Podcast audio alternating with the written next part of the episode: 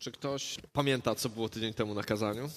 Dobrze, żeby się nie powtarzać. Chciałem tylko mm, troszeczkę nawiązać do tego, bo chciałbym kontynuować ten temat, szczególnie zachęcony tym, co było w czwartek i o czym mówił Remek na nabożeństwie. Wiecie, tydzień temu mówiłem o gotowości. O gotowości na spotkanie z Chrystusem, o naszym przygotowaniu do gotowości. I mówiłem też o tym, że gotowość jest tak rozległym tematem.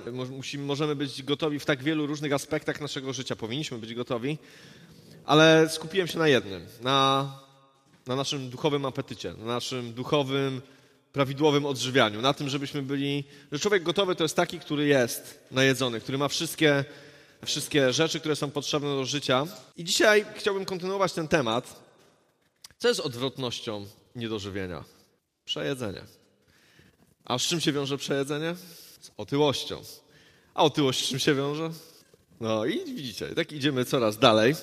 Tak, otyłość yy, jest problemem czasami. Może być problem, generuje choroby, sprawia, że człowiek nie może się ruszać i funkcjonować tak, jak normalnie powinien się ruszać i funkcjonować. I nie jest to coś dobrego.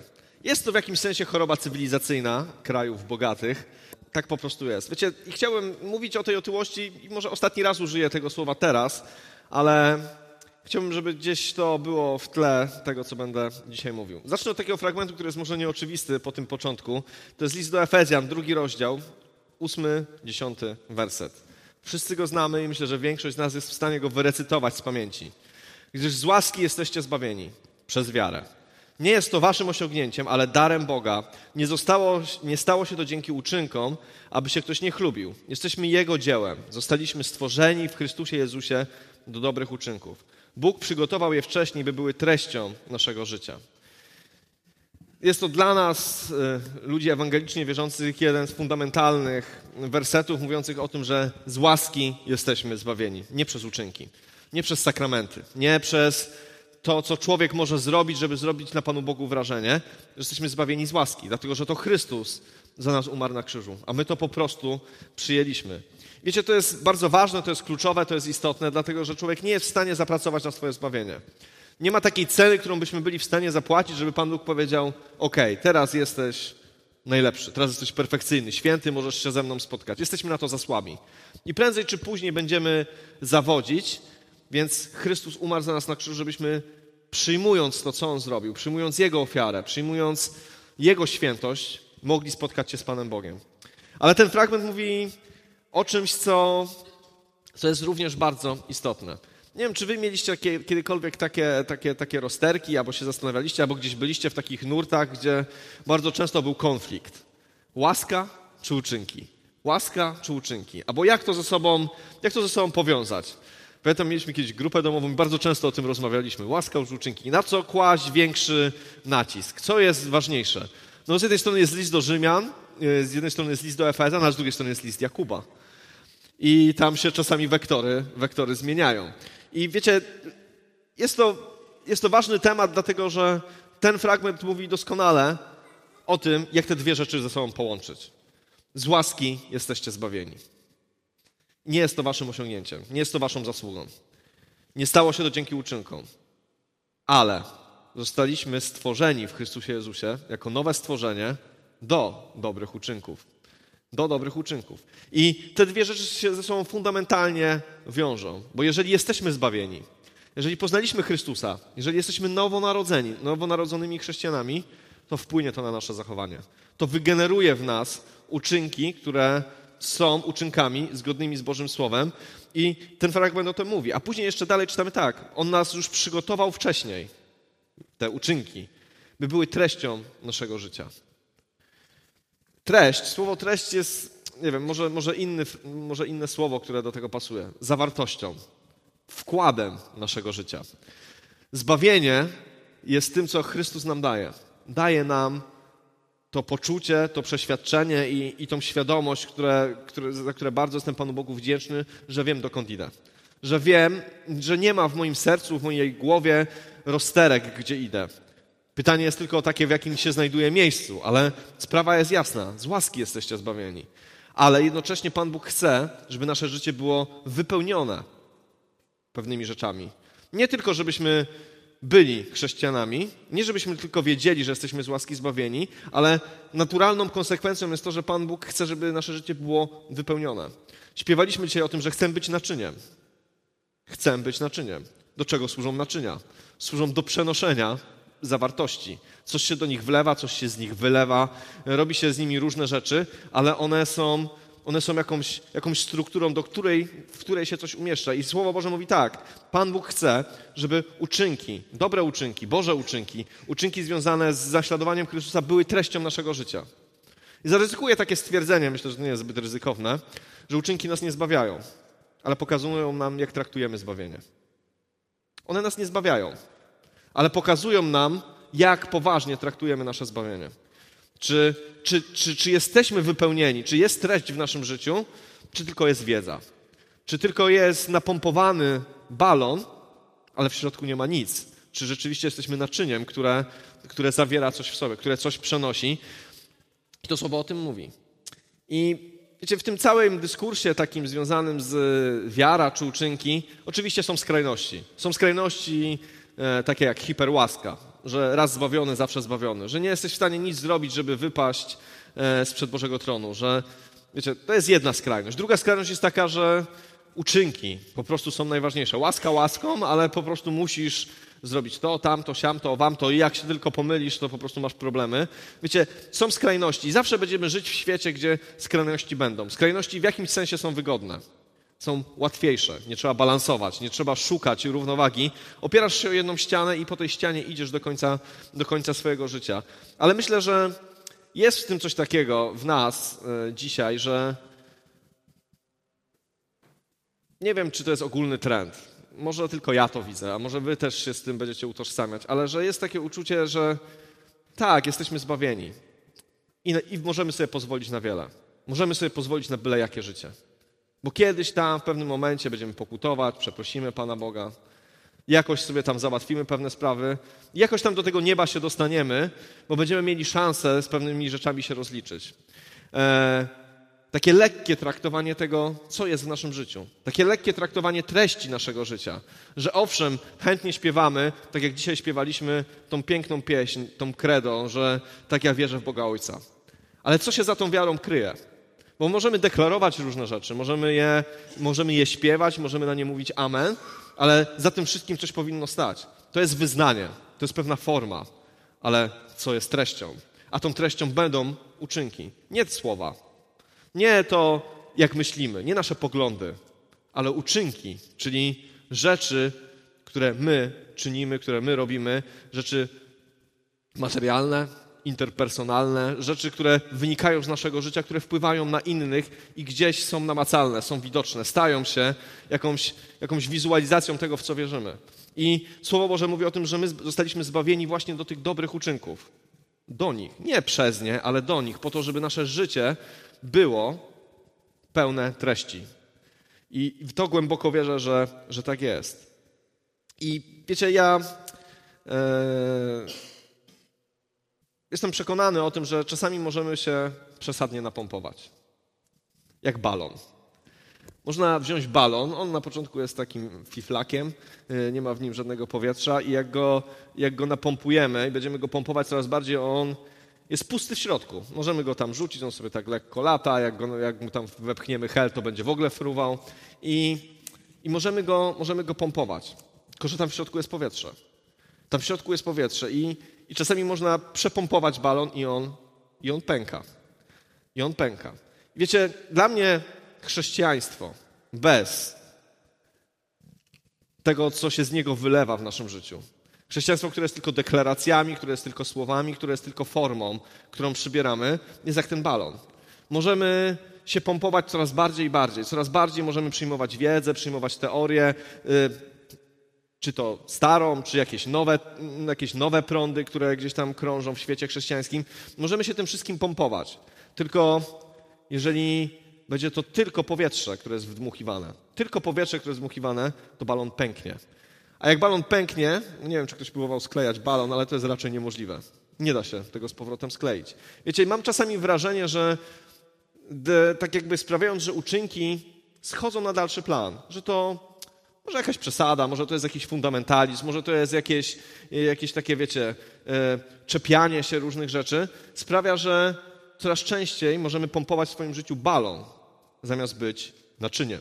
Że coraz częściej możemy tworzyć jakąś wizję chrześcijaństwa, które w realnym świecie nie jest w stanie funkcjonować. Które w zetknięciu z problemami zwykłych ludzi na ulicy, naszych przyjaciół, naszych znajomych w ogóle jest nieadekwatne. Żyjemy poglądami, ideami wielkimi, ale kiedy spotykamy się ze zwykłymi ludźmi, patrzymy im w twarz, nagle się okazuje, że tak naprawdę nie mamy nic, że nie mamy co dać. Że my jesteśmy, co prawda, napompowani, ale nie jesteśmy w stanie, z naszego życia nie wypływa nic, co oni mogą wziąć do swojego życia i, i zrozumieć, poczuć i pójść za Chrystusem. Drugi list do Tymoteusza 3, 5 mówi tak. To jest o czasach ostatecznych i tam Paweł robi całą wyliczankę tego, jak bardzo źli będą ludzie w czasach ostatecznych, pod koniec czasów. I w piątym wersecie czytamy tak. Stwarzający pozory pobożności, lecz będący zaprzeczeniem jej mocy. Takich ludzi unikaj. Wiecie, to jest jeden z fragmentów. Wiecie, kiedy czytamy tam kilka wersetów wyżej o tych zdziercach, kłamcach, oszustach, to możemy powiedzieć, no tak, to jest złe. Ale ten fragment zawsze mrozi mi e, krew w żyłach. Stwarzający pozory pobożności, lecz w istocie będący zaprzeczeniem jej mocy. Takich ludzi unikaj. I tutaj pojawia się słowo, które też ma bardzo kiepską, moim zdaniem, ostatnio e, nie wiem, reklamę, sławę. Słowo pobożność. Słowo pobożność.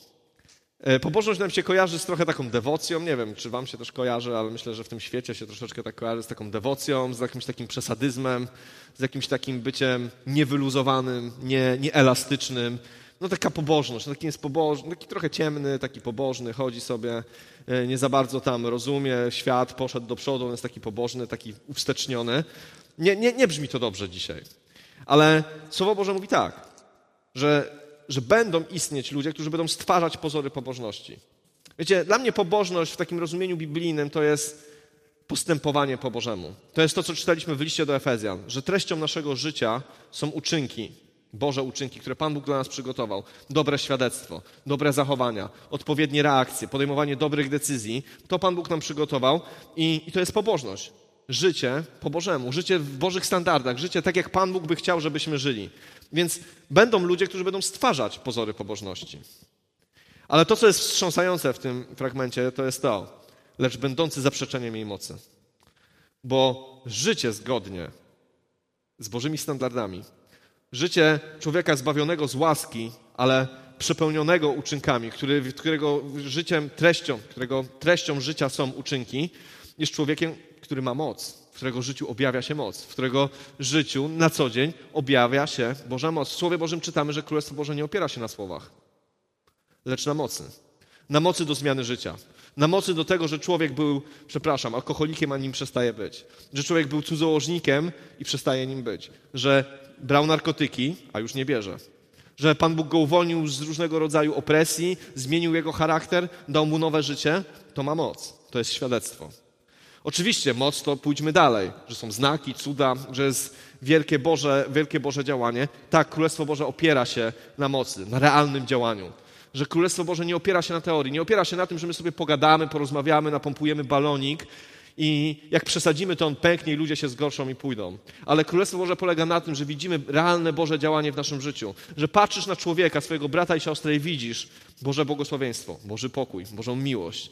Widzisz rzeczy, które są namacalne, które cię budują, które cię wzmacniają, które sprawiają, że też chcę taki być, też chcę to mieć. Też chcę mieć taką postawę w trudnych sytuacjach. Też chcę tak uwielbiać Pana Boga. Też chcę być taki hojny. Też chcę tak pomagać. Wiecie, bo, bo jeżeli nie ma tej treści, to jesteśmy zaprzeczeniem Bożej mocy. Bo głosimy Chrystusa, który zmienia. Bo głosimy Chrystusa, który uzdrawia. Bo głosimy Chrystusa, który wyciąga z problemów, który zabiera uzależnienia. Takiego Chrystusa głosimy. Ale jeżeli, jeżeli sami będziemy żyć w taki sposób, jakbyśmy byli, nie byli zbawieni, nie byli uzdrowieni, nie byli podniesieni i nie byli uwolnieni, to jesteśmy zaprzeczeniem Bożej mocy. To jest wręcz odwrotnie że pozory pobożności niosą szkodę. One nie są tylko neutralne. Że fajnie by było, gdybyśmy byli ludźmi, którzy, których treścią są uczynki. Ale w Bożym Królestwie nie ma czegoś takiego, że jest jakaś neutralna strefa, szara strefa, która ani nie szkodzi, ani nie pomaga. O tym czytamy, że mając pozory pobożności, bez pobożności, szkodzisz. Jesteś zaprzeczeniem Bożej mocy, jesteś zgorszeniem. Ludzie mówią, takie chrześcijaństwo, tyle o tym Jezusie gada, a sam takie rzeczy robi. Tyle mówi, e, tak e, opowiada różne rzeczy, a, a jego życie w ogóle o tym nie świadczy. Wiecie, dlaczego o tym mówię? Dlatego, że nie po to, żebyśmy się nawzajem biczowali, ale, ale to, co mówił Remek w czwartek i to, co wierzę, że Pan Bóg wkłada nam w serce od jakiegoś czasu, jest y, dosyć jasne i klarowne. Musimy być gotowi. Musimy być gotowi. Musimy być gotowi na spotkanie z Chrystusem, musimy być gotowi na to, żeby odpowiedzieć na to, co Jezus od nas chce. Musimy być gotowi na to, do czego będzie nas wzywał Duch Święty. I jeżeli jeżeli nasze życie będzie pozbawione, pozbawione treści, pozbawione treści, nie będziemy w stanie zareagować. Będziemy jak ten balonik. Podbija, podbija. Kto ma dzieci, ten wie, że później to gdzieś leży pod szafą. Tak, wiotczeje i, tam, i do śmietnika się go wyrzuca. I tyle z tego było. Ale wierzę, jestem o tym przekonany, że Pan Bóg chce, żebyśmy zmienili pewne rzeczy w nas. Wiecie, ja jestem ostatnio, tak, tak widzę w moim życiu i, i, i to też staram się głosić tutaj w kościele, jak bardzo ważne jest to. Jak bardzo jest ważne to, żebyśmy nie gardzili małymi rzeczami. Ewangelia Łukasza 6,10 mówi tak. Człowiek wierny w najdrobniejszej sprawie, wierny jest i w wielkiej. Ten jednak, który w najdrobniejszej jest niesprawiedliwy, niesprawiedliwy jest i w wielkiej. Wiecie, i dla mnie ten fragment mówi o tym, że, że Pan Bóg chce, zawsze zaczynać w naszym życiu od rzeczy drobnych. Że to jest Boży sposób działania. Że najpierw będzie się zabierał za rzeczy w naszym życiu drobne. Żyjemy w kulturze, w której trochę gardzimy małymi rzeczami. Trochę one nie są takie najważniejsze. Jednak lubimy wielkość, lubimy splendor, lubimy show, lubimy rzeczy naprawdę widowiskowe, a, a, a rzeczy małe? Rzeczy, a tu nawet jest więcej, to nawet nie są rzeczy małe kto jest wierny w najdrobniejszej sprawie. W najdrobniejszej sprawie. A co jest bardziej drobne w życiu chrześcijanina niż nasze uczynki? Wiecie, kiedy mówię uczynki, to mówię o, o tym, jak się odzywamy do ludzi, czy kłamiemy, czy nie kłamiemy, co oglądamy, czego nie oglądamy, jak się, e, jakie mamy relacje z innymi ludźmi, jak dbamy o swoje rodziny, o swoich bliskich. Bo wiecie, możemy zawsze mówić o kościele i o wielkich rzeczach, ale jeżeli zaniedbamy rzeczy najdrobniejsze, relacje z małżonkiem, relacje z dziećmi, jeżeli zaniedbamy tę tą bliskość, którą mamy w swoich rodzinach, jeżeli zaniedbamy relacje przyjaciół, to fajnie, że sobie pogadamy o wielkich rzeczach, ale zostawiamy za sobą mnóstwo rzeczy niezałatwionych, na których diabeł może po prostu dowoli szaleć i ściągać nas w dół. I Słowo Boże mówi tak, kto jest najdrobniejszy w małym, kto jest wierny w najdrobniejszej sprawie, ten dostanie więcej. I Pan Bóg tak chce, żebyśmy najpierw zaczęli porządkować swoje życie, swoją codzienność, żeby, żeby ta treść naszego życia była naprawdę jakościowa i dobra, żeby to, jak się zachowujemy na co dzień, uczynki, które wypływają z naszego zbawienia. Ja tak zawsze, jak komuś tłumaczę, czy w pracy, czy gdziekolwiek indziej, dlaczego się zachowuję tak, jak się zachowuję. E, bo to zawsze jakoś ludzi tak szokuje, że nie wiem, że szybko ślub wziąłem, że mam jakieś standardy inne. Dlaczego się tak zachowujesz? Każą ci, e, nie wiem, boisz się czegoś. Wiecie, dla mnie najprostszym wytłumaczeniem jest to, że doświadczyłem Chrystusa. Zostałem zbawiony z łaski, doświadczyłem, co to znaczy i chcę mu się podobać. Nie chcę go zasmucać. Nie chcę, e, nie chcę robić rzeczy, które są dla niego niefajne i ja po prostu go bardzo szanuję, kocham i chcę, Staram się, nie zawsze mi wychodzi, ale zachowywać się tak, żeby budzić uśmiech na jego twarzy. I Słowo Boże mówi nam o tym, że bądźcie wierni w najdrobniejszej rzeczy. Bądźcie wierni w swojej codzienności. Bądźcie wierni, kiedy idziecie do pracy. Nie oszukujcie, nie kłamcie. Wiecie, tym się różni chrześcijanin, jestem o tym święcie przekonany, nie tym, że deklaruje wielkie rzeczy, ale różni się swoim postępowaniem. Różni się swoim postępowaniem. Ma wyższe wyższe zasady moralne. Wyższe niż ten świat. Nie chodzi o to, żebyśmy wkładali na siebie jakieś chore brzemię, bo nie jesteśmy w stanie pewnych rzeczy zrobić, ale z miłości dla Chrystusa. Z szacunku dla tego, co zrobił dla nas na krzyżu, powinniśmy starać się o to, żeby nasze zachowanie, nasze uczynki były po prostu dobre. I nie lekceważmy ich. I nie mówmy sobie, to jest nieistotne. Przyjdę, pomodlę się, będę pokutował, Pan Bóg mi to zabierze. Owszem, tak będzie, jeżeli będziesz pokutował. Ale jaką masz pewność, że któregoś dnia nie powiesz, a dobra, to też mi Pan Bóg wybaczy. Albo wybaczy mi, jak tylko tak sobie w głowie pomyślę, nie muszę nawet pokutować. No a ta, tak działa zatwardzenie. Wmawiamy sobie pewne rzeczy. I tak myślę sobie. Tak sobie myślę, że to uczynki, teraz będę nazywany uczynkowcem, ale że uczynki sprawiają, że my jakby chodzimy po tej Bożej podłodze. Bożej podłodze, Bożej podłodze, nie ludzkiej podłodze, ale po tej Bożej podłodze, że widzimy swoją słabość, widzimy to, jak powinniśmy się zachować, widzimy to, jakie są Boże standardy, czujemy się słabo, czujemy się nieadekwatnie, zaczynamy wołać do Pana Boga, Pan Bóg zaczyna działać w naszym życiu, co generuje świadectwa, co generuje wiarę i idziemy coraz dalej, coraz mocniej, coraz głębiej. Wiecie, wydaje mi się, że ludzie chcieliby czasami robić wielkie rzeczy jako chrześcijanie, ale jak się ma zbudować ich wiara? Na czym ma się zbudować nasza wiara? Ja sobie bardzo cenię czwartki i te nasze świadectwa, które tutaj padają, dlatego że tak się właśnie buduje wiara. Ktoś mógłby powiedzieć, a, że te niektóre historie takie są bardzo takie słabe. Wiecie, jeszcze nikomu noga nie odrosła, nie wiem, oko, e, nikt jeszcze nie wstał z wózka. Ale ja za każdym razem, jak słyszę te świadectwa, mam w swoim sercu takie wielkie przekonanie i niejednokrotnie tak miałem. Ja też tak chcę. Ja też tego potrzebuję. Ja też tak chcę. Ja też chcę się zachować tak jak ta osoba. Ja też chcę mieć taką wiarę. Ja też chcę podjąć taką decyzję. Wiecie, budzi w moim sercu to pragnienie zmiany moich zachowań. Albo czasami mnie to bardzo pozytywnie zawstydza. Nie wiem, czy lubicie to uczucie, kiedy jesteście pozytywnie zawstydzeni przez Pana Boga. Kiedy Pan Bóg wam coś pokazuje i wyczujecie ten wstyd, ale wiecie, że to jest dobre.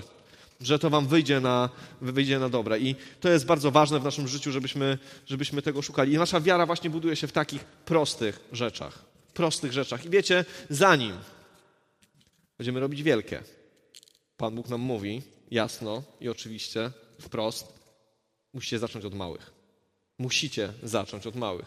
Musicie zacząć od kochania siebie nawzajem. Musicie zacząć od tego, że będziecie się szanować, że nie będziecie plotkować, że nie będziecie obgadywać. Od tego musicie zacząć, że nie będziecie się nienawidzić, że będziecie na siebie patrzeć z miłością i że będziecie gotowi się dla siebie poświęcać. Ja mówię, że to są małe rzeczy, to są wielkie rzeczy ale one są codzienne. One są zwykłe.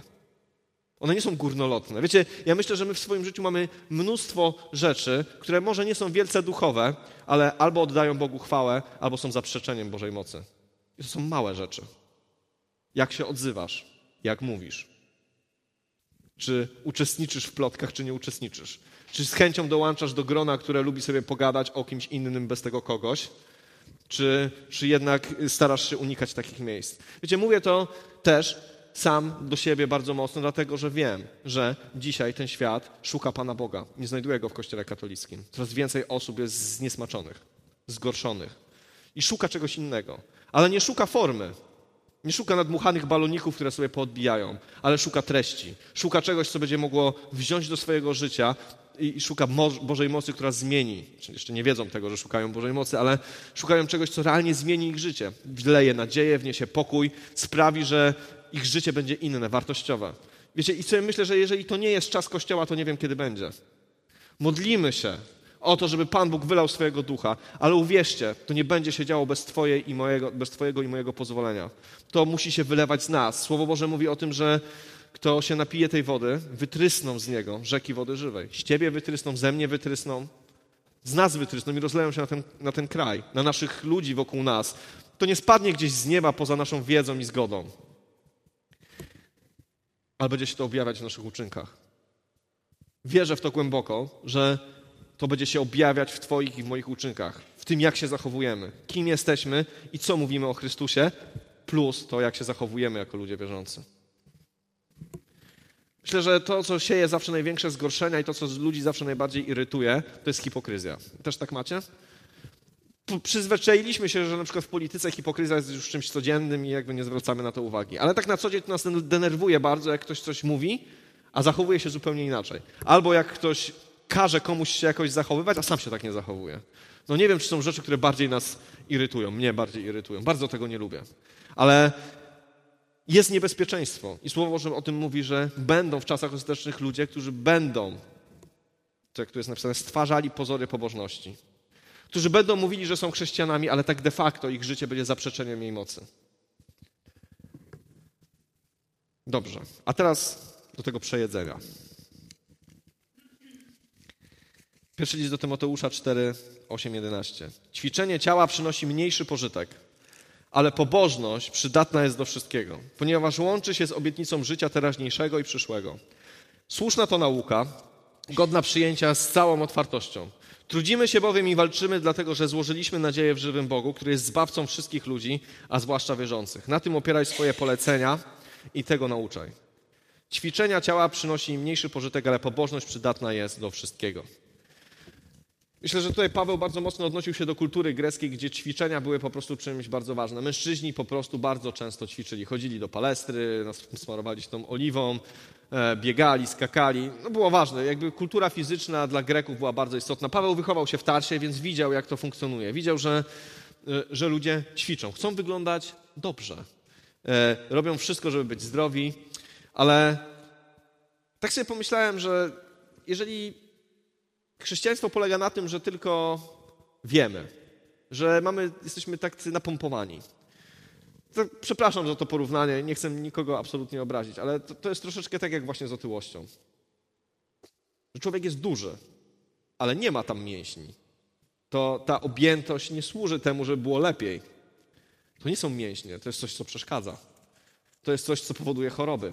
To jest coś, co powoduje, że ciężej nam się funkcjonuje, szybciej się męczymy. Nie jest to dobre. Wiecie, i wydaje mi się, że chrześcijaństwo bez, bez tego wkładu, bez treści jest właśnie czymś takim, jest duchową otyłością. My dużo wiemy, my wiemy, jak powinno być. My byśmy z chęcią ludzi pouczali, tylko jakoś nie bardzo nam się chce tak żyć. Więc jesteśmy po prostu duchowo otyli. Ale pobożność przydatna jest do wszystkiego, ponieważ łączy się z obietnicą życia teraźniejszego i przyszłego. Paweł mówi tak: ćwiczenia ciała nie przynosi zbyt dużo, ale ćwiczenie pobożności. Ale ćwiczenie pobożności. Wiecie, ten fragment mi też mówi o tym, że można to ćwiczyć, że trzeba to praktykować.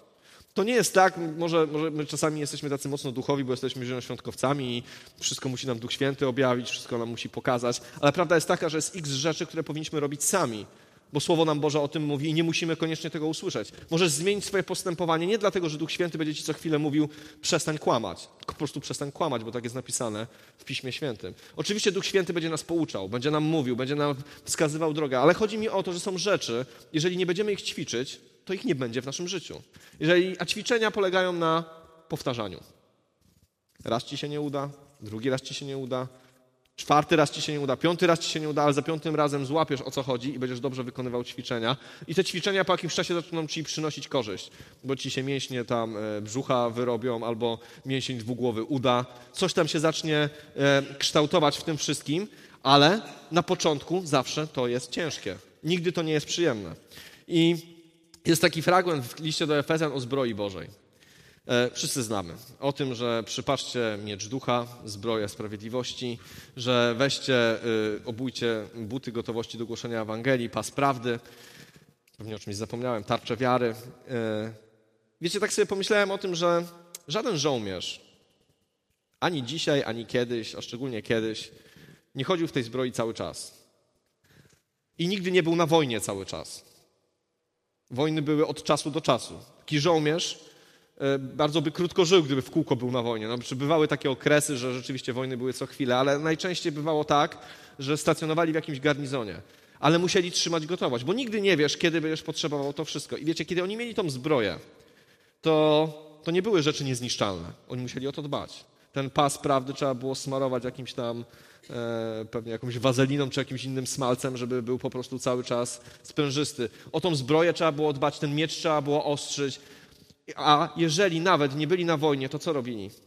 Siedzieli sobie, grali w kości? Pewnie przez jakiś czas tak. Wychodzili i ćwiczyli. Ćwiczyli musztrę, robili różne rzeczy. Cały czas jakby przygotowywali się do tego, co może nastąpić, do walki. Ćwiczyli taktykę, robili różne rzeczy, ćwiczyli indywidualnie, dbali o swój ekwipunek i trenowali. A kiedy przyszedł czas wojny, to byli gotowi, mieli wszystko przygotowane. Wiecie, za późno jest wtedy, kiedy nagle rozbrzmiewa trąba i musisz wyciągnąć swoją starą zbroję z, e, z szafy. E, nie ma jak ją wcisnąć, bo już tak jakby no nie ćwiczyłeś przez tyle czasu, więc po prostu wyrośliśmy troszeczkę i nie da się wcisnąć tej zbroi. Pas prawdy się nie dopina. Pewnie buty zawsze się założy, bo to ciężko jakby się tak y, zmienić, żeby butów nie założyć. Ale ogólnie rzecz biorąc, było za późno na takie rzeczy. Trzeba było się przygotować wcześniej. I wiecie, to ćwiczenie w pobożności jest dokładnie czymś takim.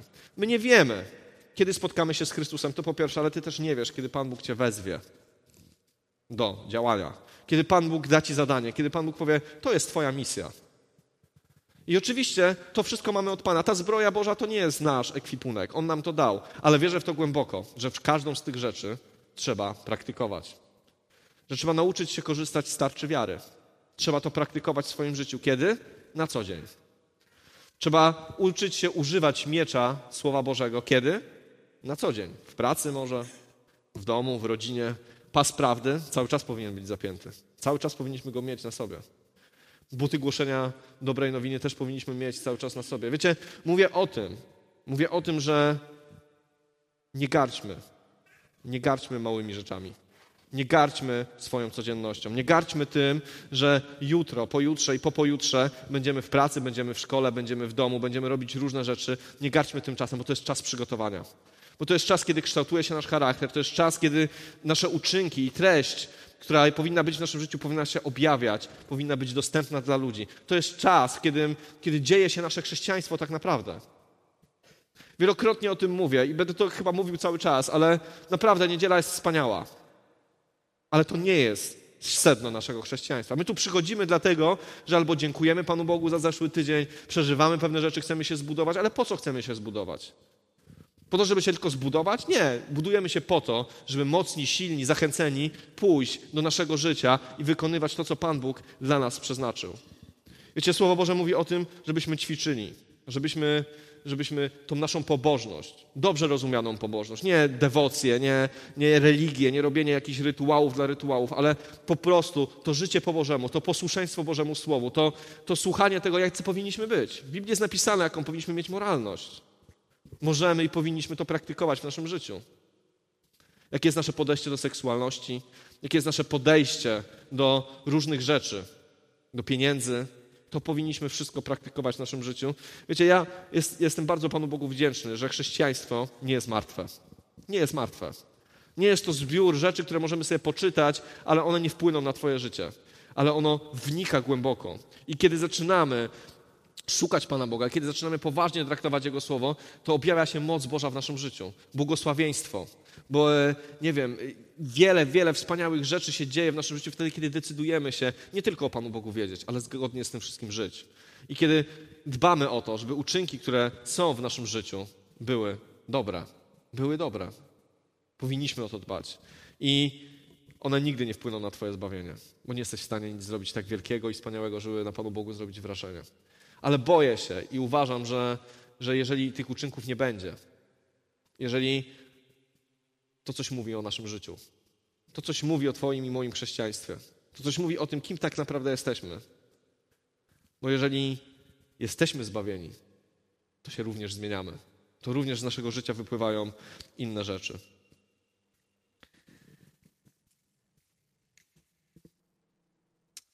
Wiecie, ja chciałbym, żebyśmy się dzisiaj pomodlili bo dla mnie to jest duże wyzwanie. Nie, nie, będę ukrywał. Widzę, przepraszam za to sformułowanie, ale widzę moją nędzę. Widzę. Nie chodzi o to, żebyśmy się dzisiaj biczowali, ale chodzi mi o to, że jeżeli mamy w sercu Boże pragnienia i chcemy, żeby nasi bliscy byli zbawieni, chcemy, żeby ludzie wokół nas poznali Chrystusa, jeżeli chcemy tego wszystkiego, jest to pragnieniem naszego serca, bo widzimy, że cierpią, widzimy, że niszczą swoje życie, widzimy, że najnormalniej w świecie idą do piekła, bo nie poznali Chrystusa. Jeżeli nas to przejmuje, jeżeli nasze serce płacze, jeżeli jesteśmy złamani z tego powodu, jeżeli mamy to serce, które miał Jezus do potrzebujących i złych, to spójrzmy dzisiaj na siebie. I mówię to bez jakiejś większej pompy, ale uważam, że ty i ja jesteśmy kluczem do tego, żeby Boża chwała się rozlewała w tym mieście i w tym kraju. My jesteśmy tym naczyniem, z którego powinno się wylewać. Z którego powinno się wylewać. Nie chodzi o to, żebyśmy to robili na siłę. Sami tego nie zrobimy. Potrzebujemy Ducha Świętego, który jest nam dany. Jesteśmy za słabi. Ale jeżeli podejmujemy decyzję, że tak, Panie Boże, przepraszam Cię, ja się naprawdę fatalnie zachowuję. Moje życie jest achrześcijańskie w pracy. Na przykład. Może być taki przypadek. trochę za dużo kombinuje. Trochę za dużo nieszczerości, trochę za dużo cwaniactwa. Albo w rodzinie, może za mało szczerości, może za mało troski. To przyjdźmy dzisiaj do Pana Boga. Pokutujmy z naszych złych uczynków i pozwólmy Mu, żeby nas dotknął, żeby nas zmienił i żebyśmy nasze życie wydawało dobry owoc.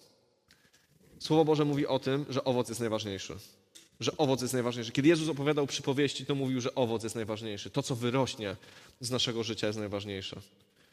Bo już mówiłem to kilkukrotnie, ale gdyby Pan Bóg chciał nas tylko zbawić, zabrać do nieba, to już by to dawno zrobił.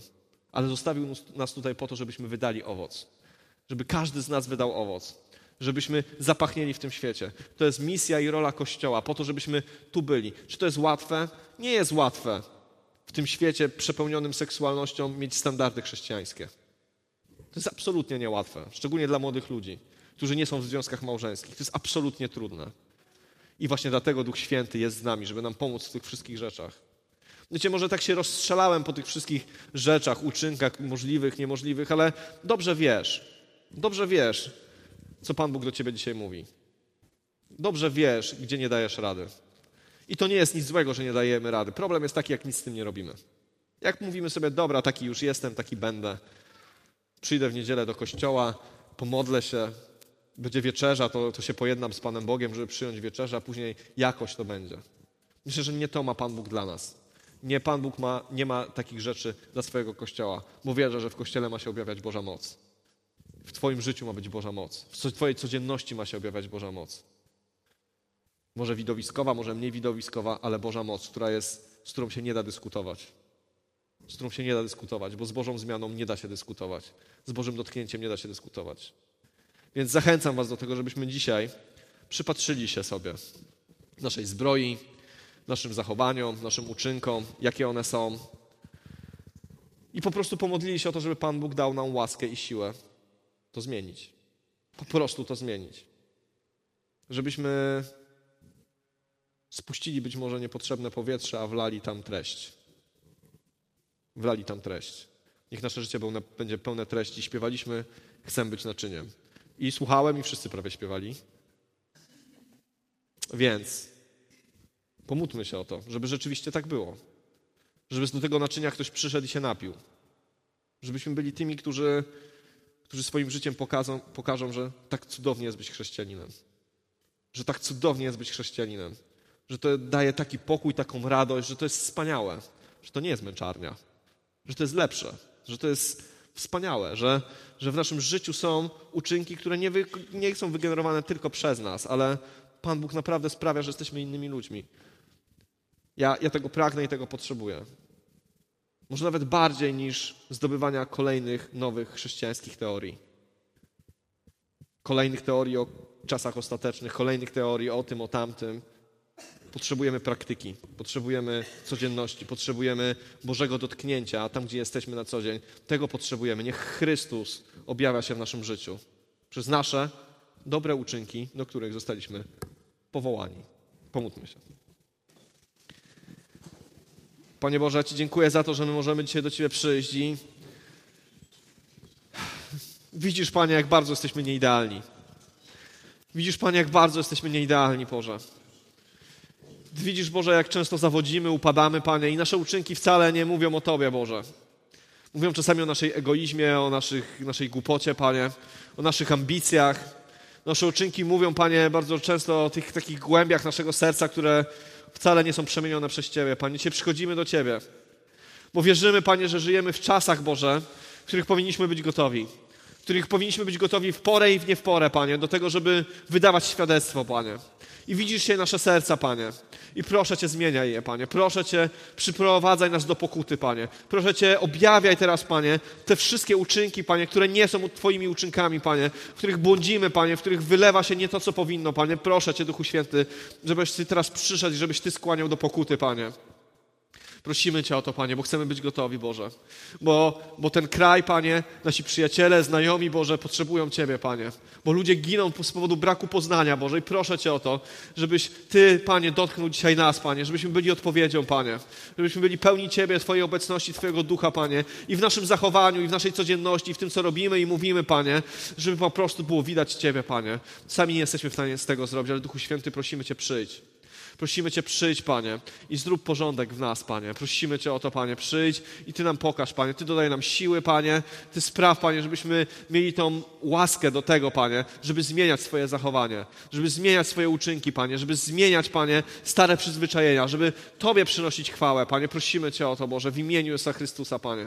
Dziękuję Ci, że wyrwałeś nas z tego świata, Panie. I nie należymy do tego świata, Panie. Że nie jesteśmy dziećmi ciemności, Panie, ale dziećmi światłości, Boże. I proszę Cię o to, Panie. Niech to nie będą tylko słowa, Panie, ale niech to będzie prawda, Boże, którą będą obserwować ludzie wokół nas, Panie. Proszę Cię o to w imieniu Jezusa Chrystusa, Boże. Potrzebujemy Ciebie, Panie.